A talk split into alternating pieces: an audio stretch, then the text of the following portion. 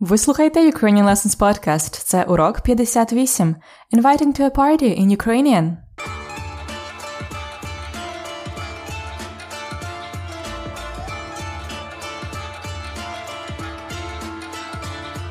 Добрий день! Це подкаст Уроки української для всіх фанатів української мови і культури. І мене звати Анна, я українка, вчителька української і також фанатка України. Я завжди починаю подкаст українською, тому не бійтеся. Через хвилинку я буду перекладати на англійську. Чому я кажу, що цей подкаст для фанатів української мови? Ну, знаєте, є фанати футболу, є фанати музичного гурту, наприклад, фанати Бітлз, а ви фанати української мови. Коли я отримую листи від слухачів подкасту, я завжди багато усміхаюся, бо ви вивчаєте українську не тому, що треба знати українську, як, наприклад, англійську чи німецьку треба знати. Ваші причини завжди дуже милі. Наприклад, є слухачі-волонтери, які працюють у проєктах в Україні. Є слухачі, які закохалися в українця чи українку і вирішили вивчати українську мову, хоча вони можуть говорити і англійською. Є слухачі, які закохалися в Україну і дуже-дуже люблять все українське. Я дуже щаслива об'єднувати таких людей і трошки вчити вас. Let's say that again in English. I mentioned that this podcast is for Ukrainian language fanati, fans. When I receive emails from the Ukrainian Lessons podcast listeners, I'm always smiling so much. When you tell you me why you learn Ukrainian, it's always not because you have to, like with some popular languages. We have to learn them sometimes. But here some listeners are volunteers working with the projects in Ukraine. Some of you fell in love with Ukrainian man or woman and no, you don't have to learn Ukrainian as you can communicate in English, but you still do. Some of you just fell in love with Ukraine. I know the feeling. And you just love все українське, everything Ukrainian. And I'm happy to connect with you and teach you a little bit.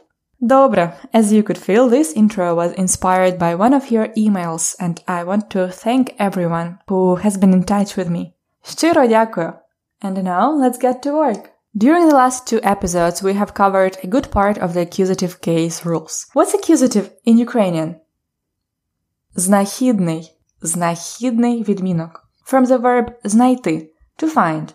This verb, as many others, is followed by the direct object, accusative case. Quick review. Знайти хлопця. Masculine, animate, a person. That's why я, хлопця. Знайти дівчину. Feminine Always ую. Знайти долар. Masculine, but uh, an object. We don't change it at all. Знайти гривню. Feminine ую. Знайти гроші. Objects and uh, plural, we don't change them. Now, as always, we will listen first to the conversation. Розмова. Today we have телефонна розмова. Телефон, розмова. Телефонна розмова. Будуть говорити Галя і Тарас. Галя must be very happy because she just got her підвищення, promotion at work, підвищення. That's why she is organizing маленька вечірка, a small party, вечірка. Вона запрошує в гості друзів. She invites her friends over. That's what we say in Ukrainian. Запрошувати в гості. To invite to be guests, literally. Meaning to invite over.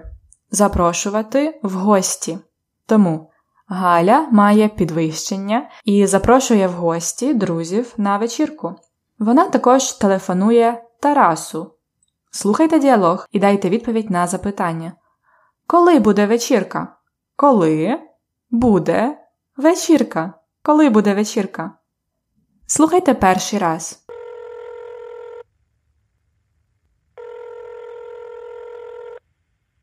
Алло, Алло, привіт, Тарасе. привіт. Як ти там поживаєш? Нормально. А ти як? Все добре.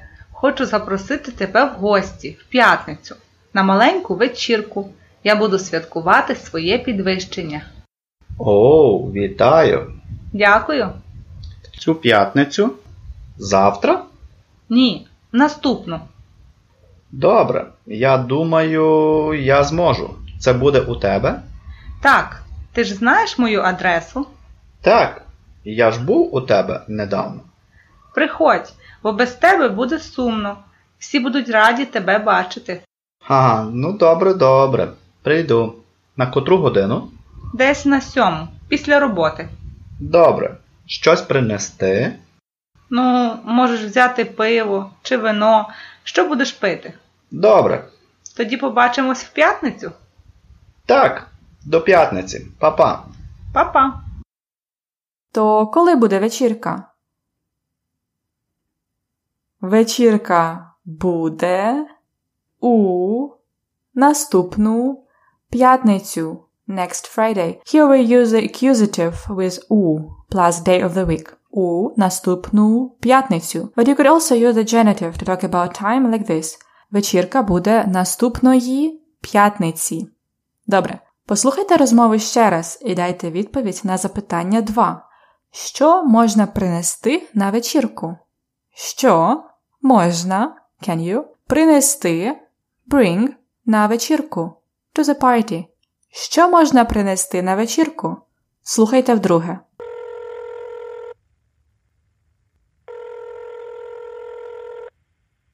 Алло? Алло, привіт, Тарасе. Привіт. Як ти там поживаєш? Нормально. А ти як? Все добре. Хочу запросити тебе в гості в п'ятницю на маленьку вечірку. Я буду святкувати своє підвищення. О, вітаю. Дякую. В цю п'ятницю? Завтра? Ні, наступну. Добре. Я думаю, я зможу. Це буде у тебе? Так, ти ж знаєш мою адресу? Так. Я ж був у тебе недавно. Приходь, бо без тебе буде сумно. Всі будуть раді тебе бачити. Ага, ну добре, добре. Прийду. На котру годину? Десь на сьому, після роботи. Добре. Щось принести? Ну, можеш взяти пиво чи вино. Що будеш пити? Добре.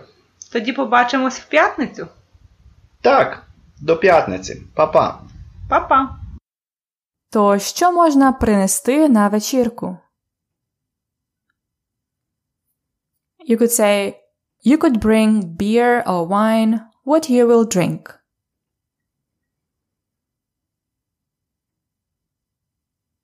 Можна принести пиво чи вино. Що будеш пити? Можна принести пиво чи вино. Що будеш пити? Let's start with one interesting colloquial phrase we've heard at the beginning. Як ти там поживаєш? It's like як справи. But як? How ти, you, там, there, поживаєш, living. That's kind of what's up, but more when you haven't seen a person for a while. Як поживаєш? Все добре, and you can start updating about your life. So, we know already that Галя буде святкувати своє підвищення. She will celebrate her promotion. Підвищення is a neuter noun because of that long ня at the end. In this case, it's accusative as a direct object, but it doesn't change because it's neuter. Добре? So, Галя каже, Хочу запросити тебе в гості в п'ятницю на маленьку вечірку. Я буду святкувати своє підвищення. Хочу запросити тебе в гості. Запросити тебе. Which case is тебе? It's accusative too, because it's direct object after запросити. Though it sounds like it's a genitive form, right? We have learned it about 10 episodes ago. This is because the personal pronouns are exactly the same in the genitive and accusative. It's я хочу запросити тебе на вечірку, accusative as a direct object, і тут немає тебе. There is no you here, you are not here. Genitive after немає. Let's remind those pronouns. Я, мене. Ти, тебе, він, його, вона, її, ми, нас, ви, вас. вони, їх. Мене, тебе, його, її. Нас, вас, їх. It could have been that easy, but here is something else. Слухайте. Це буде у тебе? Так, ти ж знаєш мою адресу? Так. Я ж був у тебе недавно. Приходь, бо без тебе буде сумно. Всі будуть раді тебе бачити. Галя каже: Так, ти ж знаєш мою адресу. You know my address, right? Тарас. Так, я ж був у тебе недавно. Yes, I have been at your place not long time ago. Genitive у тебе. Галя каже: Приходь, приходь, бо без тебе буде сумно. Please come, it's going to be sad. Без тебе. Without you. Всі будуть раді тебе бачити. Everybody will be happy to see тебе, you. So we have без тебе, but раді тебе бачити. Why is the stress different? Again, because we like Ukrainian to sound good.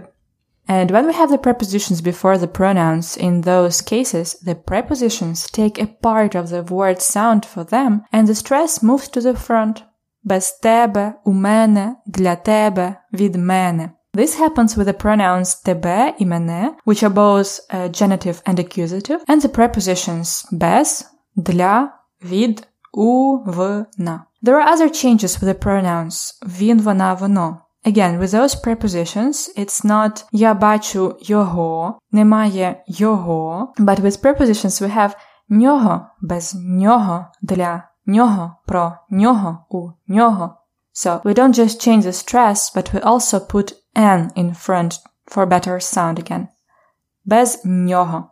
Вона, я бачу її, немає її, but без неї, для неї, у неї. Remember, неї. І вони. Я бачу їх, немає їх, але без них, для них, у них.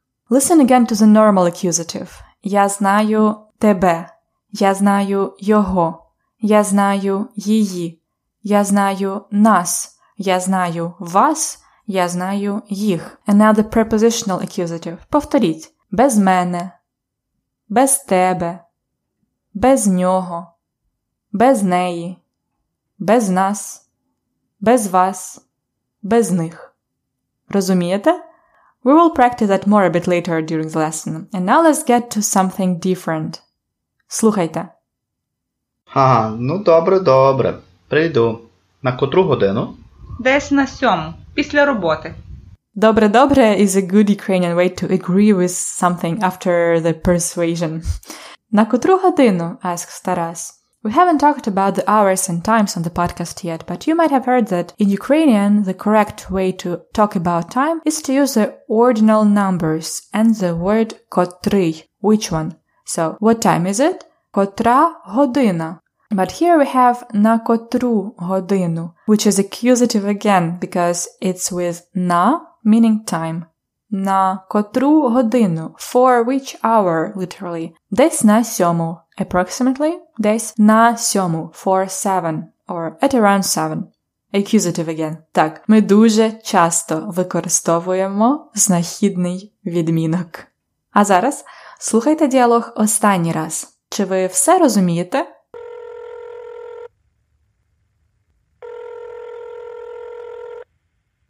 Алло? Алло, привіт, Тарасе. Привіт. Як ти там поживаєш? Нормально. А ти як? Все добре. Хочу запросити тебе в гості в п'ятницю на маленьку вечірку. Я буду святкувати своє підвищення. О, вітаю. Дякую. В цю п'ятницю? Завтра? Ні, наступну. Добре. Я думаю, я зможу. Це буде у тебе? Так, ти ж знаєш мою адресу? Так. Я ж був у тебе недавно. Приходь, бо без тебе буде сумно. Всі будуть раді тебе бачити. Ага, ну добре, добре. Прийду.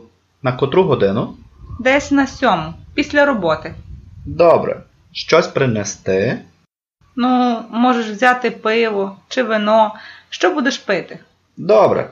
Тоді побачимось в п'ятницю. Так, до п'ятниці. Па-па.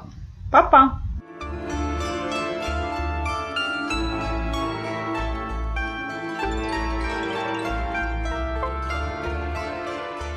Час практики. Today, let's just translate some phrases and check if you use the pronouns and those tricky stresses correctly. Try to say it aloud if you can. Як буде українською without you informal? Без тебе. Тебе, not тебе. 2. What about I miss you? Literally, I'm being sad without you.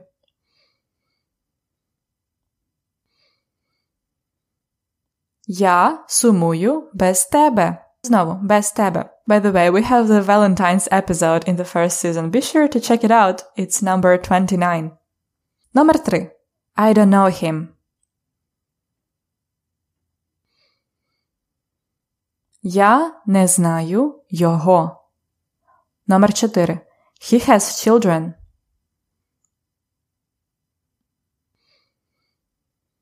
У нього є діти. See, we use у нього with у. But you could also say he has like він має. Він має дітей. Номер 5. I have a gift for her. Gift present is подарунок.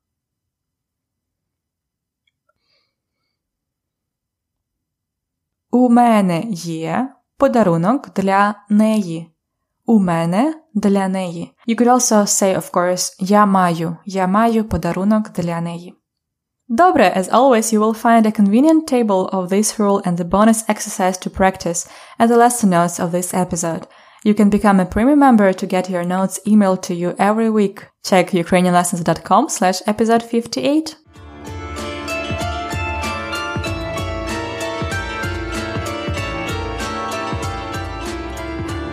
Культурний факт на подкасті.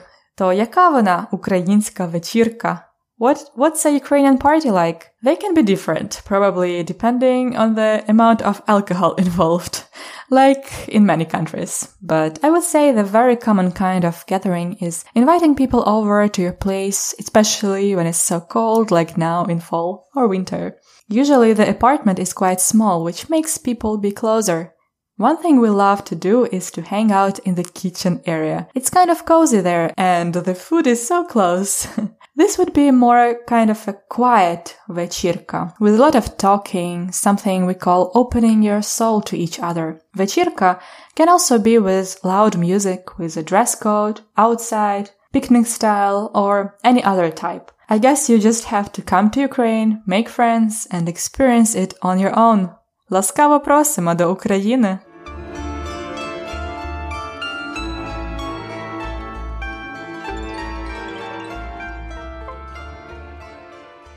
Це все на сьогодні. Тепер ви знаєте трошки більше про знахідний відмінок і, можливо, про українські вечірки. If you host a party in Ukraine, don't forget to invite me. By phone, of course. You know how to do that now. And if you plan to study first and then have fun, get your Ukrainian lessons, lesson notes for the full experience of this episode. You can read the dialogue aloud, review the grammar table and vocabulary list, and practice with the exercise. If you haven't already, subscribe to receive those premium PDF guides and cool digital flashcards too. Find out more at ukrainianlessons.com slash episode 58 ukrainianlessons.com slash episode 58 До наступної середи! Хай щастить!